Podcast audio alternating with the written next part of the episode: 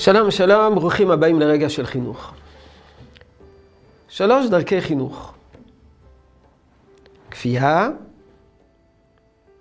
שכנוע או הסברה, שכנוע לוגי או פנייה אל הרגש, ודרך שלישית, הקרנה, שם נרדף, דוגמה אישית. מה עדיף מבחינה חינוכית? יש הסבורים שמבחינה חינוכית הדרך היותר יעילה זה דרך הכפייה. מדוע? מאוד ממוקדת מטרה. אני רוצה לכפות על הילד דבר מסוים, את הדבר הזה בלבד אני כופה עליו.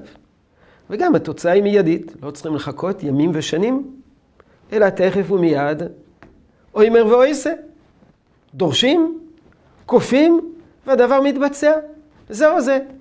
אני דורש ממך לפנות את השולחן. אני דורש ממך לפנות את השולחן. עד שהילד נכנע, מפנה את השולחן. כפייה הועילה ותרמה, וזהו זה. זו הדרך היותר ישירה עם ההישג היותר מיידי. שכנוע והסברה.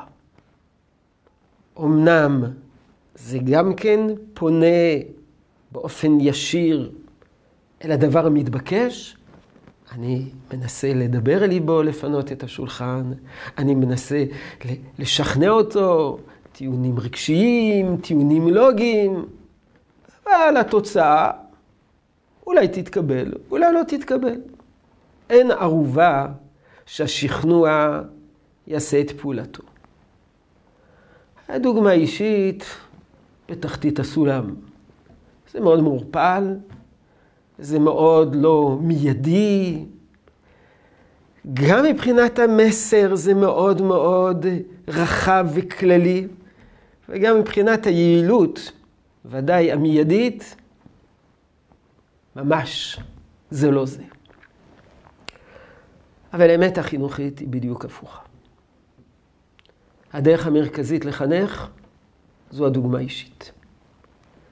מכיוון שזה עדין, מכיוון שזה רחב, מכיוון שאתה לא פועל באופן ישיר, זה מחלחל עמוק עמוק בליבו של הילד. כפייה, התוצאה מיידית, אבל זו פעולה לטווח קצר מאוד. לאחר זמן הילד מתנער מן הכפייה, משליך מעליו את הכפייה, ובזה זה נגמר. הדרך המרכזית לחנך זו הדוגמה האישית. יהי רצון שתשרה ברכה בעבודתנו החינוכית. שלום שלום.